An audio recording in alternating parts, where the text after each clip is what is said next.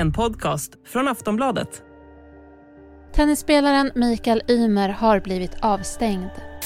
Sveriges bästa tennisspelare Mikael Ymer har stängts av i 18 månader för att ha brutit mot tennisens antidopningsregler. Men vad var det som hände egentligen? Och vad betyder det här för hans karriär? Kan det här rent av göra att han byter spår? Det kommer bli väldigt eh, tuff prövning för honom mentalt. Och vad betyder det här för fenomenet Mikael Ymer? Personen som lyckas få rubrik efter rubrik i svensk media. Det här pratar vi om i Aftonbladet Daily. Jag heter Eva Eriksson. Gäst är Jonas Fiskar, reporter på Sportbladet. Det här är en händelse som eh, går tillbaka till 2021. Och det handlar om att han eh, har brutit mot eh, dopingbestämmelserna inom tennisen. Eh, och det är inte, det ska vi understryka, han har inte ertappats med något olovligt preparat eller så, utan han har missat i vistelserapporteringen som det heter. Han har fått tre anmärkningar där och eh, när man får en tredje då betyder det att man får en avstängning. Och det är det som har hänt honom nu. Det här fallet, det som är speciellt med det här är egentligen att hela liksom, media har missat det här lite, så det kom som en väldigt chock nu när han gick ut den 17 juli i år. Eh, och det här var under utredning redan förra året. ITF, eh, Internationella Tennisförbundet, eller så här, han, han blev friad först eh, för det här. Men sen så överklagade Internationella Tennisförbundet till CAS, den här skiljedomstolen då. Och då har de kommit med sin dom nu. Och eh, det har renderat i 18 månaders eh, avstängning från all, allt tennisspel. Hur förödande är det här då för hans karriär? Ja, väldigt förödande skulle jag säga. Eh, nu den här säsongen har Mikael gjort sina liksom, kanske bästa resultat i karriären. Han har varit inne och eh, brutit topp 50-barriären. Eh, nu rankas han som 51 i världen. Och i, så sent som i Wimbledon eh, så vann han mot den första topp 10-spelaren i sin karriär. Taylor Fritz då när han vann i andra omgången i en eh, stentuff femsetare liksom. Så det slår ju väldigt hårt liksom för att han är, han är verkligen på liksom toppen av sin karriär och så kommer den här, det här bakslaget liksom. Så jag skulle säga att det är väldigt förödande och det är frågan om han kan komma tillbaka på samma nivå. Det är väldigt svårt. Han förlorar ju alla rankingpoäng och så. Och är borta som sagt i 18 månader och det är väldigt lång tid inom tennis. Det är lite av en färskvara att eh, liksom upprätthålla sin ranking hela tiden. Mm. Du har ju poäng som du måste försvara och, och sådär. Eh, så att det kommer nog bli väldigt tufft för honom och framförallt mentalt tror jag. Att från att ha spelat liksom stora turneringar nu och, och haft liksom, ja men bott bara på, på bättre hotell, bekvämare resor och så här. Nu ska han till mindre tävlingar, eh, andra förutsättningar utanför banan och sådär. Så att det kommer bli väldigt eh, tuff prövning för honom mentalt, framförallt. Vad har han själv sagt? Alltså han själv har ju sagt att, eh, eller lite så bedyrat sin oskuld, eller han har så här, eh, när det först kom ut så, så, så kom det fram att han hade erkänt att han hade missat de här första två vistelserapporterna. Eh, inga konstigheter där. Eh, den sista som det rör sig om, eh, det som har hänt är att han har varit, man är skyldig då att rapportera under hela året, varje dag egentligen, var du befinner dig. För att det kan då eh, komma oannonserade dopingkontroller, dopingtester. Ofta gör det inte det, men spelarna är ändå skyldiga. Och varje dag så är det då ett fönster på 60 minuter där de verkligen, alltså de uppger var de ska vara. Och då måste de vara där om det kommer någon kontrollant, annars får man en anmärkning. Och det som hände i det här fallet var att han hade uppgett att han skulle bo på ett hotell. Eh, men sen så när kontrollanten kom så var han inte där, för då enligt Mikael då så hade han när han kommit till hotellet hade de sagt att han skulle bo i en annan byggnad som inte var liksom den hotellbyggnaden utan en, en bit bort. Vilket gjorde då att han missade den här träffen då med kontrollanten. Och det var det som gjorde att han fick anmärkningen. Eh, så han har ju försökt att ge en förklaring liksom. Och sen har han ju sagt, sagt så här att, ja men mitt, mitt samvete är rent med Gud som mitt vittne liksom, att han, han verkligen bedyrar sin oskuld att det handlar ju inte om att han har dopat sig eller så, utan han menar bara att det är en eh, att de här bestämmelserna ställer han sig kritisk till, att det är lite orimligt att eh, det är så hårt straff för en sån grej liksom. Det handlar inte om att han har vanärat sporten, att han har liksom fuskat eller så, utan det har varit en olycklig omständighet eh, och en logistisk grej som inte han har kunnat rått för. Sen kvarstår ju faktum, han har ju faktiskt missat det här tre gånger under ett år. Och det är väl det många kritiker ställer sig frågande till, liksom. alltså hur kunde du vara så nonchalant när du visste att du hade två anmärkningar? Får du en tredje så blir du avstängd och ändå blir han det. Och det här är under ett år. Och egentligen de här tre grejerna har också inträffat inom loppet av ett halvår bara. Så han har ju, hur, hur han än liksom förklarar det här så har han ju varit väldigt slarvig och nonchalant. Det, annat går inte att säga. Mm. Eh, så. Men, eh, ja, men han har ju varit eh, ute, alltså han först eh, kom han ut på Twitter och, och förklarade att han, domen hade kommit och det, han beskrev det som en mardröm och sådär. Sen eh, har han ju kommit i, i efterhand då, eh, några dagar efter, mer med en förklaring. Men han har ju inte blivit intervjuad eller så, utan det har ju varit att han har gått ut på Twitter och förklarat hur det har gått till och så. Så han, eh, han tycker att det, straffet är väldigt hårt och det kan man ju tycka. Men eh, regler är ju där för att följa så att han har, han har inte följt dem. Då får han ju ta kons- konsekvenserna. Kan det här få Mikael Ymer att byta spår? Aftonbladet Daily är strax tillbaks. Tired of ads barging into your favorite news podcasts? Good news. Ad-free listening is available on Amazon Music for all the music plus top podcasts included with your Prime membership. Stay up to date on everything newsworthy by downloading the Amazon Music app for free or go to amazon.com slash news ad free. That's amazon.com slash news ad free to catch up on the latest episodes without the ads.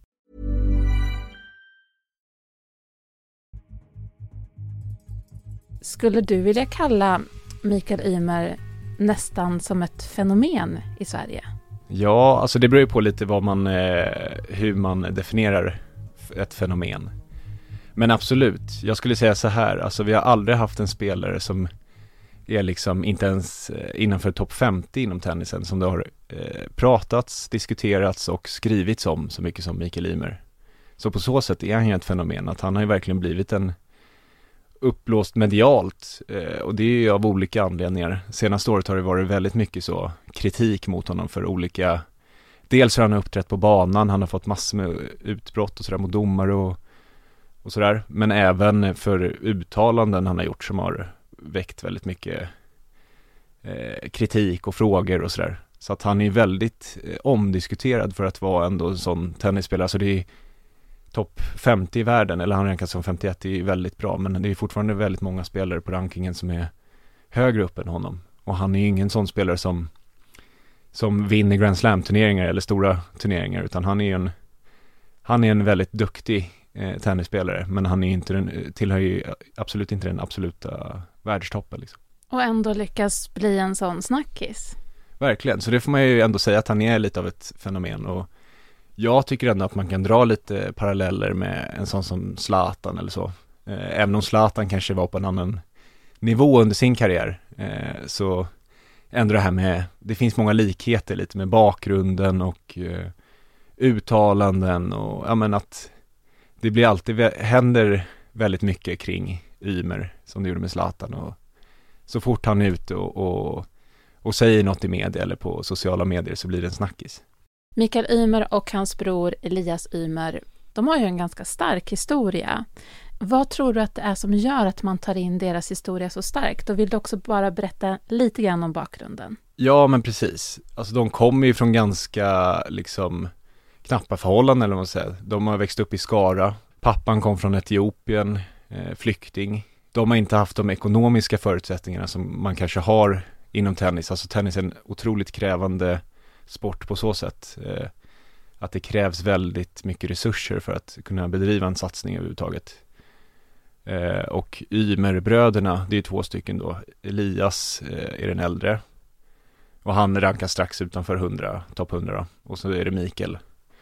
Eh, och ja men de har ju kommit fram då, eh, de var väldigt talangfulla som, som ungdomar och sen så plockades de upp då av Magnus Norman som är en gammal eh, svensk toppspelare i ett program som heter Good to Great när man vill utveckla då svenska talanger. Och de har ju pekats ut som liksom eh, efterträdarna till Robin Söderling när han slutade 2011. Eh, och haft väldigt mycket press på sig liksom att de ska fylla de skorna. Det har de kanske inte än lyckats göra på samma sätt. Söderling var ju vår senaste topp 10-spelare. Och det är ju 12 år sedan. Eh, de har inte nått upp där men det är Så de har ju en, en lite annorlunda bakgrund just med att de eh, Och tennis också en väldigt så Sport, alltså det är Många betraktar det som en rikemanssport och sådär och de kommer från helt andra förhållanden eh, Mikael berättade i intervju med Karina Bergfeldt i SVT att eh, hur de hade, när de hade flyttat upp till Stockholm, att de hade bott i Salks eh, klubbstuga och de hade sovit i omklädningsrummet och sådär. Så det var en väldigt oglamorös bild, eh, så som man kanske inte tänker sig, speciellt inom tennisen då. Eh, så på så sätt är deras bakgrund väldigt unik och det man kan dra paralleller också med systrarna Williams, alltså Serena och Venus Williams, som dominerat damtennisen under många, under mer än ett decennium liksom. De var ju också från väldigt så fattiga förhållanden och hade en pappa som drev dem väldigt hårt och jag tror att de har sagt i intervjuer också att pappan och de själva inspirerats av Williams-systrarna. Så att det är en väldigt eh, speciell eh, och unik bakgrund de har om man jämför med andra tennisspelare i Sverige. Mm. Och, och internationellt. Finns det då något sätt att det här kan ändras eller kommer han att vara avstängd? Ja, alltså jag tror efter Kas eh, dom så är det svårt att få den hävd. Alltså det, det tror jag är nästan till omöjligt. Eh, mig veterligen så finns det inget sätt att han ska kunna få det överklagat. Utan han, han blev ju först friad av en oberoende jury. Eh, men sen så när ITF då överklagade så så tog ju KAS upp ärendet och sen så kom deras slutgiltiga dom och jag tror efter det så är det bara att köpa, alltså och det är han inställd på också att han, det blir att börja om från noll nu. Eh, och det blir inget tennisspel på, på 18 månader. Eh, det är väldigt svårt också för honom att få eh, matcher överhuvudtaget. Eh, och jag tror att det kommer bli svårt för honom även att få wildcards och sånt där. Eh, speciellt har det varit nu under senaste året mycket snack om att han vägrat spela i Båstad och sådär. Eh, skulle de ge honom ett eh, wildcard nästa år eh, så kan det i frågan, kommer han ta det? Eh, och vad blir kritiken mot Båstad om de ger det eh, till honom? Så det finns mycket sådana grejer. Men eh, jag ser det som ganska kört att det ska bli att straffet hävs. Så, och det är väldigt tufft. Man kan jämföra, det finns fall i tennisen där faktiskt spelare har dömts för alltså otillåtna, användande av otillåtna preparat. Och där har det straffen reducerats till kanske 11 månader har det varit ibland, eller 15 månader. Så, och 18 månader har Micke fått nu, fast han har ju inte han har ju inte dopat sig, vad vi vet. Utan det handlar ju om den här vistelserapporteringen. Så det är ett väldigt hårt straff såklart. Mm. Eh, och sen så är det så att från början var straffet 24 månader, så han har ju redan fått det reducerat. Så då ser det väldigt eh, alltså, osannolikt att han ska få det ännu mer eh, kortat liksom. Vad är det han kan göra under den här tiden som han är avstängd? Ja, alltså nu får han ju inte tävla tävlingar och så. Eh, och det innefattar ju allt från eh, spel på ATP-touren där han har varit och, och ITF-tävlingar och sådär, men också Davis Cup. Där har han ju varit ett, ett ankare i svenska laget. Så att det blir väldigt svårt för honom alltså, och jag tror till och med att uppvisningstävlingar och sånt där så får han inte heller spela. Så att det blir väldigt svårt för honom. Just när matchträningen är väldigt viktig i tennis, att hela tiden kontinuerligt spela matcher. Eh, så det blir mycket fokus på träning, tror jag. Och få rätt sparring där och, och framförallt handlar det om motivationen, att han ska orka eh, hålla uppe det liksom fram tills att han faktiskt får spela. Det är ett bra tag. Han missar jättemycket, han missar OS till exempel nästa år i Paris och sådär. Mm. Det är ett väldigt hårt slag. Så att det, det, är, det är tufft att säga men det finns ju inte så mycket liksom eh, sätt att gå runt utan han får ju vänta ut eh, sitt straff här och under tiden får han fokusera på att träna och försöka komma i form eh, så bra som möjligt och sen så handlar det om när han kommer tillbaka. Då måste han börja om och då är det hans ranking försvinner ju så att han måste ju börja om på, på noll så att säga. Spela mindre turneringar, vinna eh, tävlingar och så, få mer, fler rankingpoäng så att han kan spela större turneringar. Så, så att det, det kommer vara en lång väg att vandra. Han har ju själv sagt att avstängningen är 18 månader men i praktiken är det tre år det handlar om. Mm. Om han själv får bedöma för att komma tillbaka. Tror du att det här kan få honom att släppa tennisen? Alltså jag tror så här, han är 24 år gammal. Det är ändå ganska ungt fortfarande. Han, vad kommer han vara när han är tillbaka runt, han fyller år i september tror jag. Så 26 kanske eller så här. Eh, och då har han ju fortfarande en lång karriär kvar. Så han har ju tid på sig. Det, frågan är om han har motivationen om han orkar just det som jag pratar om att spela de här mindre turneringarna inte så glamorösa förhållanden varken på eller utanför banan. Allt runt omkring blir väldigt, det blir jobbigare resor och sådär.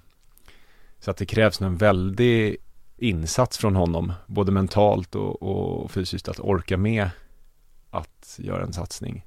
Så det är frågan. Sen har inte jag hört vad han själv säger eller tänker kring det här. Mm. Eh, just nu tror jag bara han processar liksom att det är väldigt, tar in att det är, han kommer inte kunna tävla på 18 månader.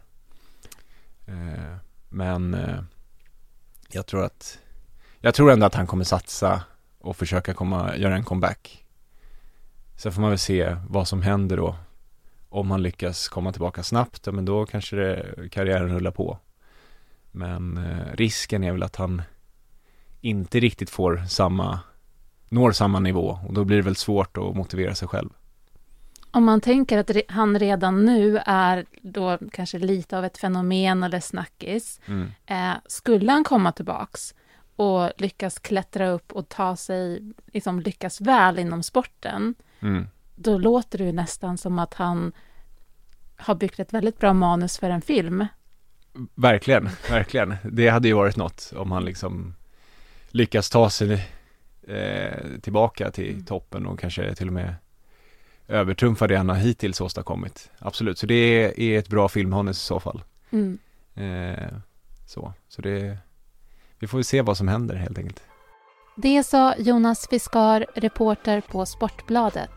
Den här intervjun den spelades in fredag den 28 juli. Du har lyssnat på Aftonbladet Daily med mig, Eva Eriksson, och vi hörs snart igen. Ryan Reynolds here from Mint Mobile. With the price of just about everything going up during inflation, we thought we'd bring our prices down. So to help us, we brought in a reverse auctioneer, which is apparently a thing. Mint Mobile unlimited premium wireless. Ready to get 30, 30, bit to get 30, bit to get 20, 20, 20, bit to get 20, 20, bit to get 15, 15, 15, 15 just 15 bucks a month. So, Give it a try at mintmobile.com/switch. slash $45 up front for 3 months plus taxes and fees. Promo for new customers for limited time. Unlimited more than 40 gigabytes per month slows. Full terms at mintmobile.com. Du har lyssnat på en podcast från Aftonbladet. Ansvarig utgivare är Lena K Samuelsson. Tired of ads barging into your favorite news podcasts? Good news. Ad-free listening is available on Amazon Music. For all the music plus top podcasts included with your Prime membership. Stay up to date on everything newsworthy by downloading the Amazon Music app for free or go to amazon.com slash news ad free. That's amazon.com slash news ad free to catch up on the latest episodes without the ads.